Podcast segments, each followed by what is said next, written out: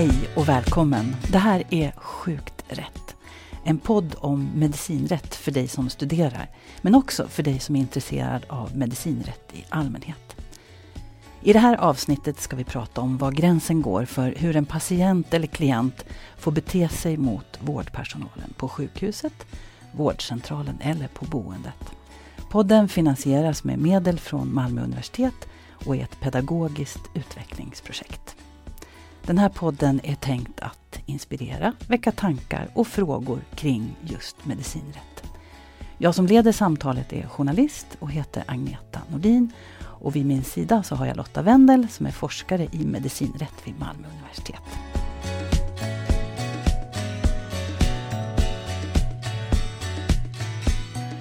I april förra året ringde en man till den psykiatriska avdelningen där han hade varit patient och hotade med att skära huvudet av ansvarig läkare. Mannen var inte nöjd med att han inte omedelbart hade blivit utskriven så som han önskade. Ett år senare dömdes han till tre månaders fängelse för hot mot tjänsteman. Men det är bara ett fall. I en undersökning Novus gjorde för något år sedan så visade det sig att fyra av tio ur Vårdförbundets olika medlemsgrupper utsatts för hot och mer än var fjärde hade utsatts för våld. Förutom våld och hot om våld förekommer också utbredd diskriminering mot vårdpersonal. Det visar DNs granskning tidigare i år. Där beskrivs bland annat hur patienter kräver svenskfödda läkare och att diskrimineringen är utbredd i hela landet. Om det här ska vi prata idag med säkerhetsstrateg på Skånes universitetssjukhus SUS i Malmö, Marie Jensen. Varmt välkommen! Tack så mycket! Marie, vi kan väl börja där och berätta, eh, om du börjar med att berätta hur en säkerhetsstrateg arbetar. Mm. Eh, då ska jag först berätta lite grann om vad säkerhet egentligen är på ett sjukhus. och eh, det handlar ju inte om patientsäkerhet som man skulle kunna tro. Utan eh, det handlar om hot och våld, som vi ska prata om idag. Det handlar om brandskydd, bevakningsfrågor, eh, informationssäkerhet, IT-säkerhet. Att vi har ett bra skalskydd, det vill säga lås på dörrar och, och bra dörrar en trygg och säker miljö helt enkelt för, våra, på, på vår personal ja, och våra patienter och närstående, vi har studerande och andra besökare.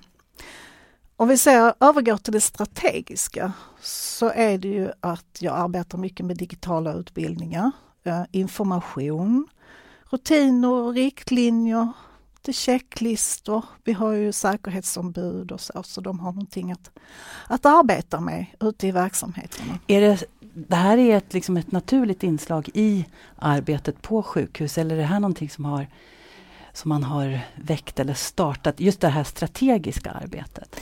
Ja, alltså vi har ju fått fart på det de sista åren, verkligen. Eh, brand har man ju arbetat med sedan 1800-talet men, men nu måste vi även arbeta med, eh, med säkerhet på många olika sätt.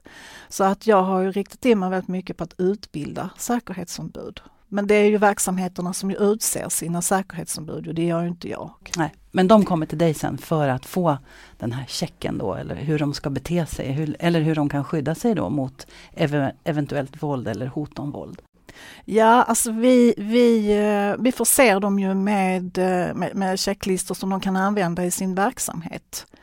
Um, och um, så att de får liksom arbeta tillsammans med sin chef som ju har arbetsmiljöansvaret. Så det är de två som arbetar tillsammans med eventuellt ett skyddsombud. Just om säkerheten på, på, uh, på avdelningarna. Mm. Nu säger du sa att uh, det här arbetet kom igång för några år sedan. Var det någonting speciellt som hände då för några år sedan som gjorde att ni tryckte igång det här strategiska arbetet? Ja, vi fick väl in lite friskt blod i verksamheten. Så att vi, vi kände att vi behöver utveckla det här eh, konceptet med, med, med säkerhet och, och, och arbetet. Ja, det, var, det var jag, jag och, och en till, en, en yngre kille, Johan, som vi började samtidigt. Och att vi, eh, vi fick liksom kolla vad har vi för någonting och vad har vi inte och vad är, är verksamheternas eh, behov? Vad behöver de? Inte bara vad vi tycker att de, de borde ha utan att vad de verkligen behöver. Mm. Och det tar lite tid att, att jobba upp det liksom. Mm. Jag tänker också på att eh, det hände saker, inte minst i Malmö då, som gjorde att det sattes fokus på de, de här hoten som uppstod. Eh, mm. Att nu behöver vi inte bara brandskydd utan nu behöver vi också värna eh, vårdpersonalen. Ja, verkligen. Vi hade ju en uh, ny brottsvåg uh, i Malmö då, 2016 började den och kulminerade 2017 där vi hade väldigt mycket skottskadade. Och de hade väldigt stor inverkan på, på vården och på medarbetarnas arbetsmiljö. Och eh, jag jobbade ju inte i vården då, så att jag fick fråga dem, vad är det som är så jobbigt med de här skottskadade, att vårda dem? Och fick hur mycket input som helst ifrån olika verksamheter på sjukhuset som vårdar dem. Mm. Och med utgångspunkt från det så eh, försökte vi att hjälpa dem. Mm. Hur skulle du säga att de här hoten mot personalen ser ut i, idag?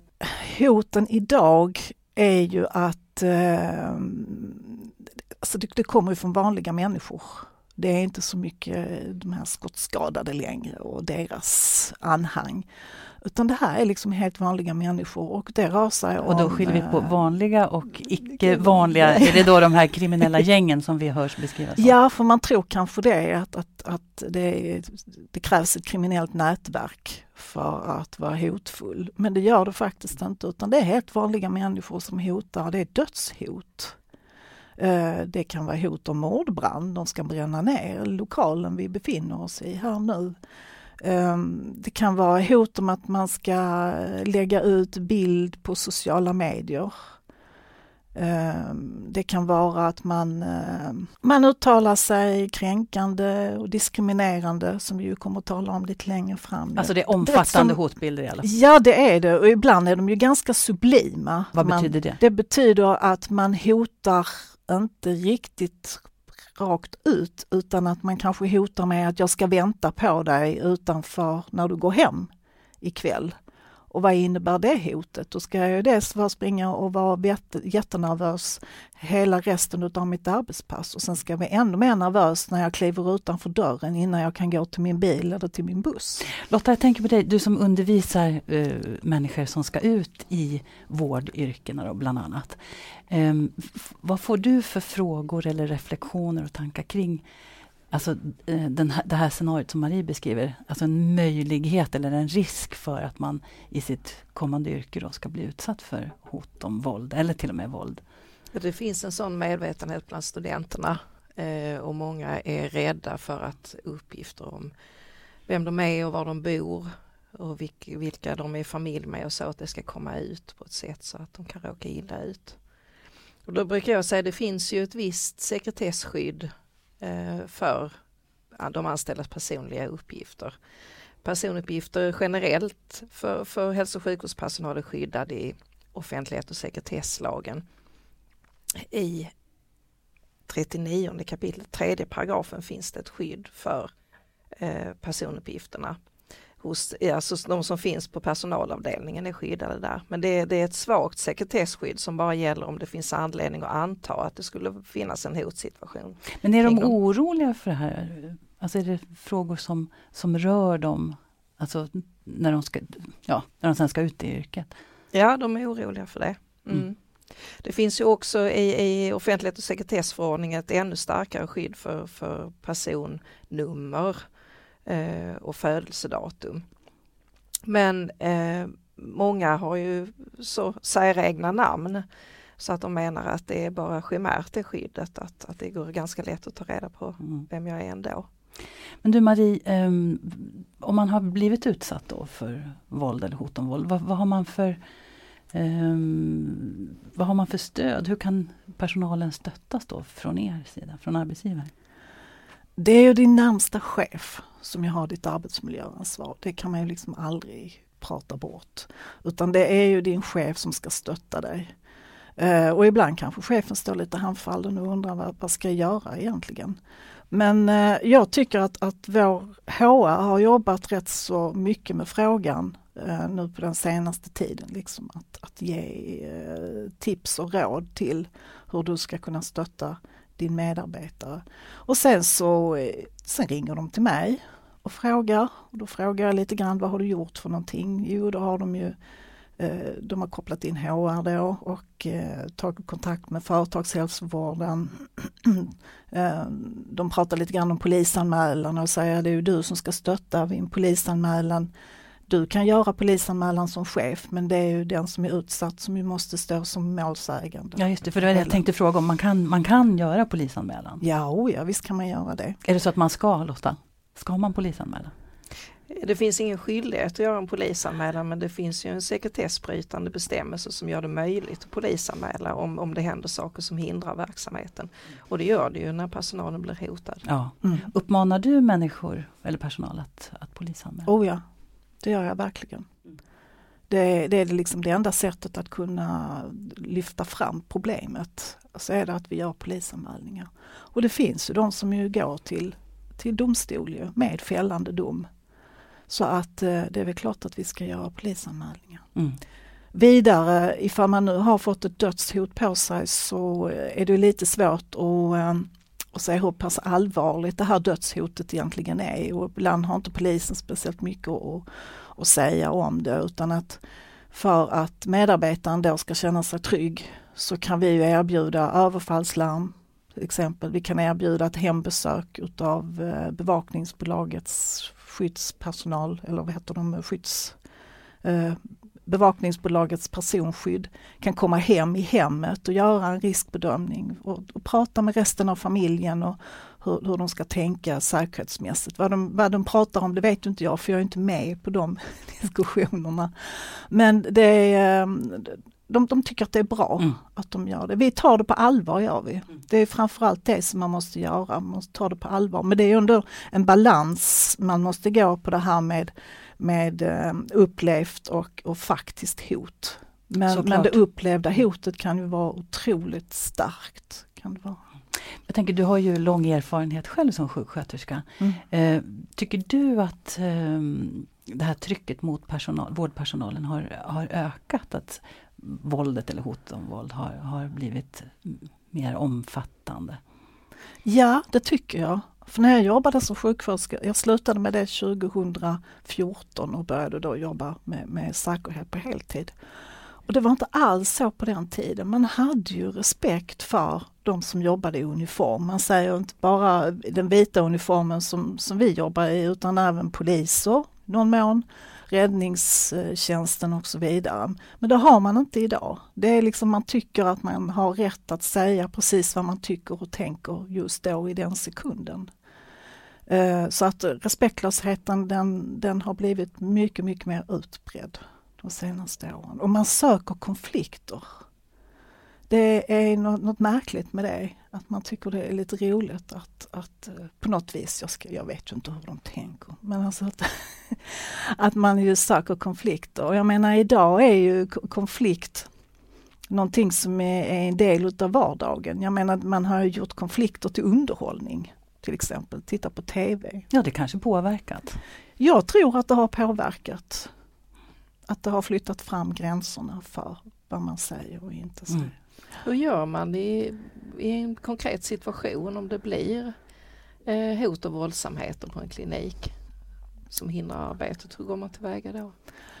Så är det våld så handlar det ju om att, att backa och eh, behålla lugnet och ringa polisen och trycka på överfallslarmen. Och, alltså ungefär som, som en nödlägesplan för brand handlar det om. Alltså, att, att snabbt agera mm. och ta sig ifrån situationen.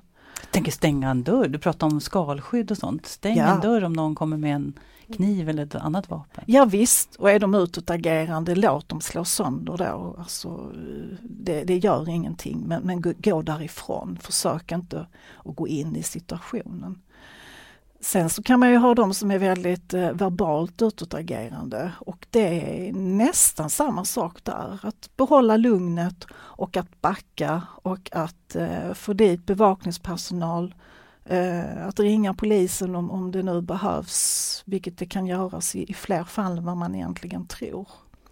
Men annars så handlar det lite grann om att släcka en brand, att eh, lågaffektivt bemötande, att, eh, att ta det lugnt och att eh, ifrågasätta det de säger, det hotet. Och att kanske få hjälp, att man, man avbryter det man håller på med och säger ett ögonblick och sen så går man ut och hämtar en kollega och så säger vill du vara snäll och upprepa det hotet du precis uttalade mot mig.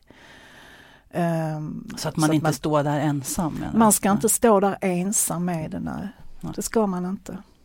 Och är det liksom ett upprepat, att det händer flera gånger så får ju chefen ta tag i det och prata med den här patienten, eller närstående för den delen, som uttalar de här hoten att, eh, att det är oacceptabelt. Och det här är, nu, vi pratade om akutmottagningen tidigare, eh, men är det här generellt så att det är på fler avdelningar och kliniker? Oh ja, det här sker över hela sjukhuset, gör det, i primärvården också. Du lyssnar på Sjukt rätt, podden om medicinrätt. Idag om hot, våld och diskriminering riktat mot sjukvårdspersonal. Gäst är Marie Jensen, säkerhetsstrateg vid Skånes universitetssjukhus. Du tänkte att vi skulle rikta fokus mot diskrimineringen, för den verkar ju också vara omfattande. Inte minst om man har läst eh, DNs granskning här under våren. Eller vad säger du Lotta? Jo, det, är mitt intryck också. Jag undervisar ju hälso och sjukvårdspersonal bland annat om de här frågorna och när vi pratar om diskriminering så nästan varje gång händer det att någon har erfarenhet från sin praktik eller från, från sommarjobb eller så av, av, av att ha blivit diskriminerad eller sett en kollega bli, bli diskriminerad. Hur ser den här diskrimineringen ut då? Eh, det handlar om att man inte vill ha personal som har slöja kanske eller personal som har mörkare hy. Eller personal som man tycker bryter på ett annat språk. Mm. Känner du igen det? Oh ja, Marie? det gör jag. Mm. Får du in anmälningar eller människor, vårdpersonal som behöver hjälp när det gäller diskriminering? Nej, det får jag inte. Eh, och eh, det är ju egentligen inte jag som ska jobba med de frågorna utan det är ju chefen som ju har sitt arbetsmiljöansvar. Vi backar tillbaka på det hela tiden. Eh, vad jag skulle vilja ha är avvikelser. Och det skriver man inte för att det är för krångligt och tar för lång tid och så vidare. Mm. Men eh, så där hade jag kunnat se det ifall det här inträffar. Men eh, absolut händer detta. Det gör det. Varje dag skulle jag tro. Och det, det tråkiga är att, att det även är medarbetare emellan som vi har den här diskrimineringsproblematiken, mm. tyvärr. Jag tror det finns en, en eh, vilja att tillgodose patientens behov. Och man vet att, att när många är sjuka så visar man inte sina bästa sidor eh, av smärta och förvirring och så, så kan man säga saker som man kanske aldrig skulle göra i sitt vanliga liv. Och i, i, i en välvilja och lugna ner situationen och, och, och kunna ge patienten god vård så finns det en benägenhet att tillgodose sådana här önskemål som man kanske inte skulle göra annars. Men jag tänker att om jag kommer in då och är svårt sjuk eller varit med om en olycka och hamnar på akutmottagningen och så möter jag någon som, som jag uppfattar inte förstår vad jag säger. Eller att jag tycker att det känns jobbigt, som du säger, att jag är i något akut läge. Mm. Så är det inte rimligt då att man som patient kan få ställa det kravet, men jag vill faktiskt träffa någon som jag kan prata med. Det, det kan man ju tycka, men, men, men samtidigt så har ju man ju Vårdgivare och personal har en skyldighet att erbjuda god vård. Eh, och när man vänder sig till hälso och sjukvården så är det det man ska förvänta sig, god vård. Eh, och, och, så länge man erbjuder god vård så gör man ju det som patienten eh, behöver, det man är skyldig att göra gentemot patienten. Börjar man organisera vården efter den här sortens önskemål så gör man sig skyldig till, till diskriminering av, av personalen. Mm. Och vad finns det för lagstöd? Hur kan man göra då? Ska man anmäla det också? Ja, pro problemet är ju att diskrimineringslagen den bygger på ett tänkt styrkeförhållande där patienter är i underläge och personal och vårdgivare är i överläge.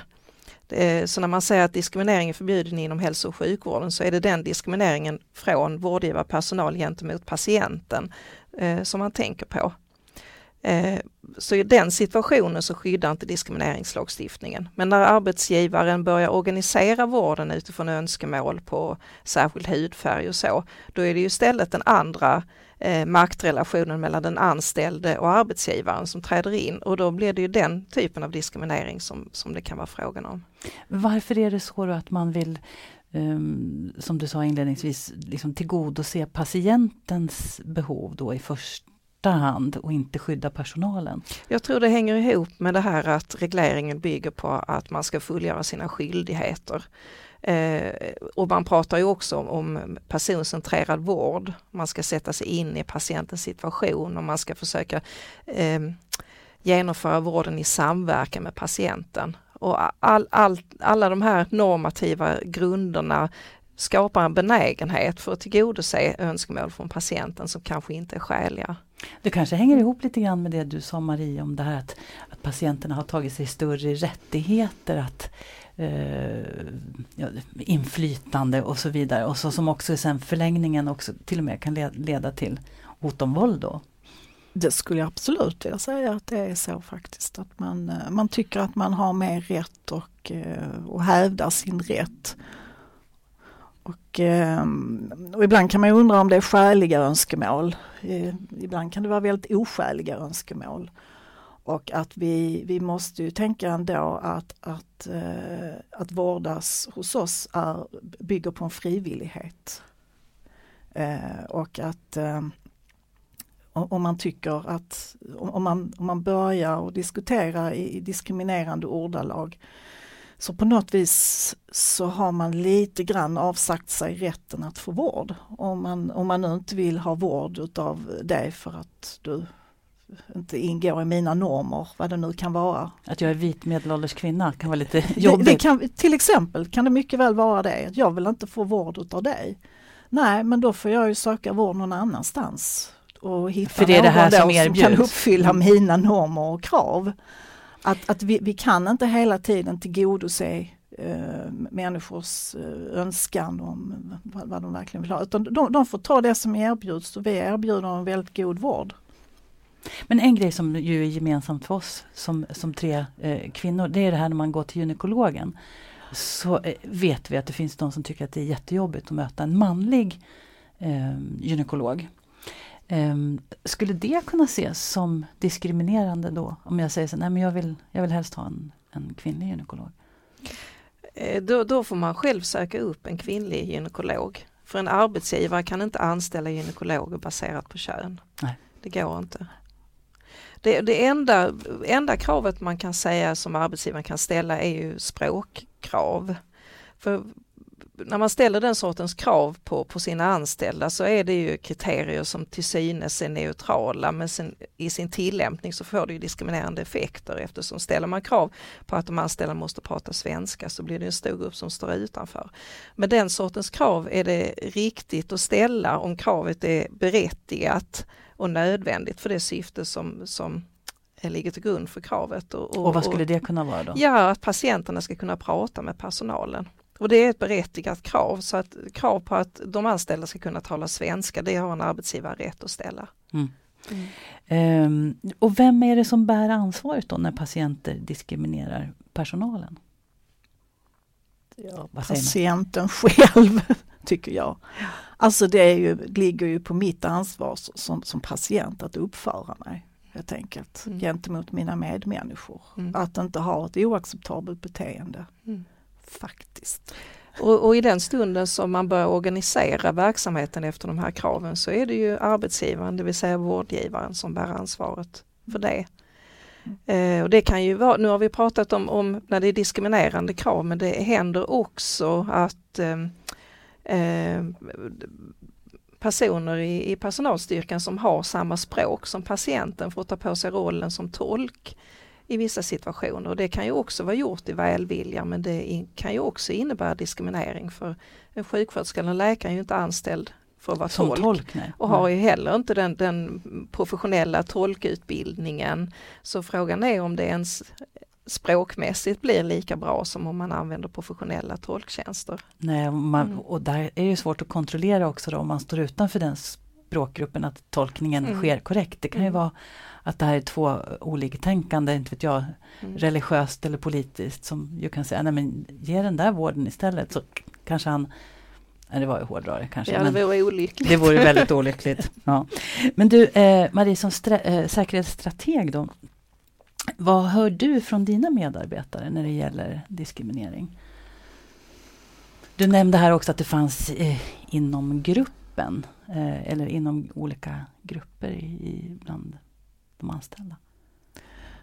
Ja, ibland efter jag har haft en, någon, en, en utbildning i hot och våld på, på en verksamhet så kan det komma fram någon till mig och säger du jag har saker jag vill prata med dig om och då kan det ju vara att eh, de, de liksom har uppfattat en situation ifrån sin chef till exempel att den var diskriminerande. Eller, oftast är det från cheferna att den är diskriminerande och de liksom ska gå vidare med det. Och eh, upplever man det så får man ju prata med chefens chef. Och vi har ju också visselblåsarfunktion om, om, om det liksom är uttalat. Kan du berätta lite mer hur den fungerar?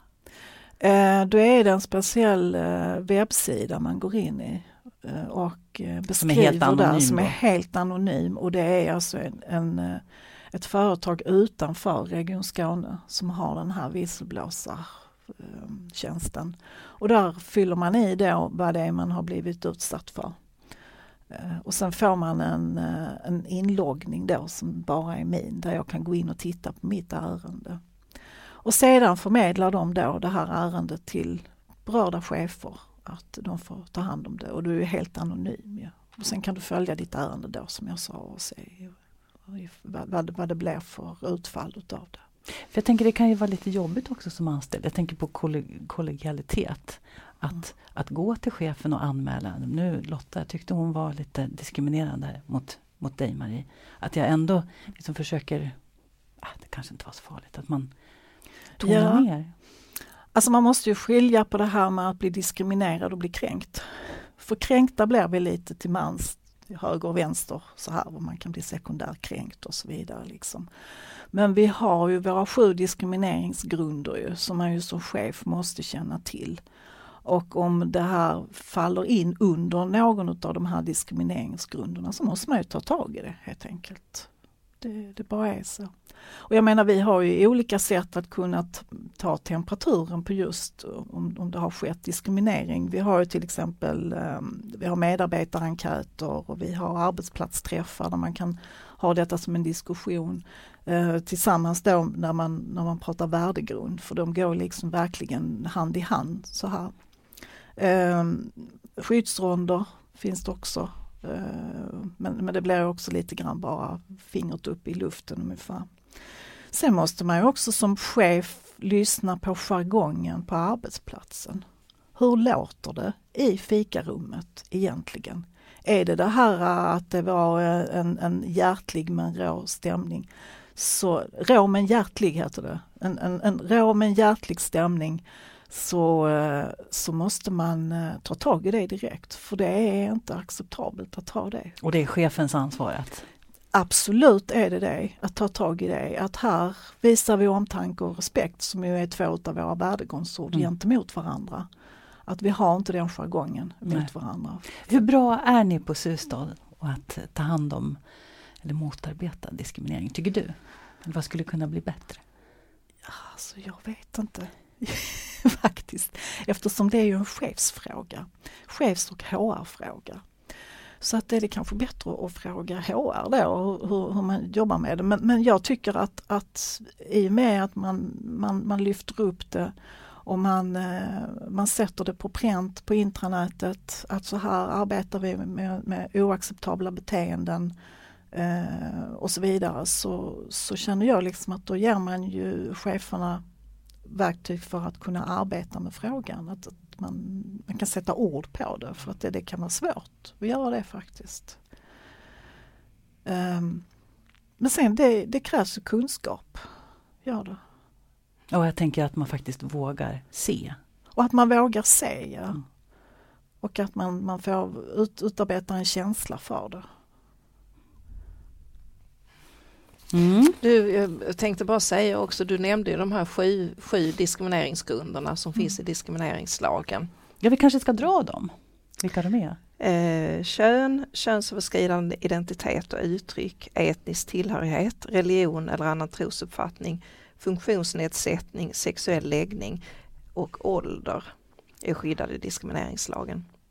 Men sen är det så att, att jobbar man i en offentlig verksamhet som, som ju SUS är så, så sträcker sig skyddet längre kan man säga, för det finns det också i regeringsformen ett, ett, krav på att man i alla sammanhang ska beakta allas likhet inför lagen och iaktta saklighet och opartiskhet. Och vad betyder allt det där? Ja det betyder, om vi tar diskrimineringslagen så finns det vissa saker som inte skyddas av diskrimineringslagen. Det finns ju affärer till exempel som bara vill ha snygg, snygg personal i kassan och så. Skönhet är ju inte skyddat i, i diskrimineringslagen. Men, men skulle en offentlig arbetsgivare säga, ställa sådana krav så skulle det falla under det här att man inte är saklig i sin verksamhet. Okej, okay, så du får inte jobbet för du är inte snygg tillräckligt? Snygg tillräckligt. Mm. Nej, det är dessutom en subjektiv värdering så det verkar ju väldigt mm. svårt. Mm. Men det är till skillnad mot kön och könstillhörighet mm. Men och sånt? övervikt till exempel är ju ja. Ja. Mm. Ja. Det finns en del kvar att göra. Vad önskar du om du fick ha så här, en önskelista? Vad står, vad står högst i, i det här arbetet? Både mot, mot diskriminering men också mot våldet. Där. Alltså man kan ju säga som så här att, att i och med att man jobbar i sjukvården så, kommer så jobbar vi ju med, med människor i kris. Det, det, kan vi liksom aldrig bortse ifrån. Och människor i kris, de vet man aldrig riktigt hur de reagerar. Man, man, man tar eh, det, det, det får liksom utlopp på väldigt olika sätt. Ju. Eh, så att eh, bygga bort och vaccinera oss mot att folk uppför sig oacceptabelt mot oss, det är nog jättesvårt att göra. Jag tror aldrig jag kommer kunna få någon nollvision där. Men vad jag vill är ju att alla de som arbetar inom sjukvården ska ha kunskap om detta. Så att man får medvetenhet om att det här finns. Och att eh, just hur olika beteenden och eh, olika typer av aggressioner, hur det yttrar sig och, och, hur jag själv reagerar i en pressad situation. För det kan vara ganska så skrämmande. Eh, så, att, så att man är medveten om det, hur jag själv är. Och hur är jag själv eh, i, eh, i en pressad situation eller när jag är trött och, och stressad och så lite hungrig på det. Hur är jag då? Alltså mitt bemötande mot andra människor. Mm. Och det gäller både patienter och kollegor förstås? Absolut. Mm. Så det är just det som jag skulle vilja att alla fick en bra ja. kurs i det. Men hörni, ehm, tiden går fort när man har roligt. Ska vi säga så, så länge? Tack så hemskt mycket Marie Jensen, säkerhetsstrateg vid Skånes universitetssjukhus SUS i Malmö. Ja Lotta, har du någon avslutande reflektion? Någonting? Jag tyckte det här var jätteintressant att lyssna på Marie och jag skulle särskilt vilja lyfta fram eh, vad du sa om möjligheten att använda de redskap som finns, göra avvikelser och du berättade om visselblåsarfunktionen och och använda verktygen för att reagera när man ser att det händer någonting som inte ska hända. Det är enda sättet att få till någon förändring. Säger vi så. Tack så hemskt mycket också Lotta Wendel. Sjukt rätt produceras med medel från Malmö universitet för pedagogisk utveckling och kollaborativt lärande. Det är produktionsbolaget Lokat Media som producerar och jag som leder samtalen är journalist och heter Agneta Nordin. Vi hörs snart igen.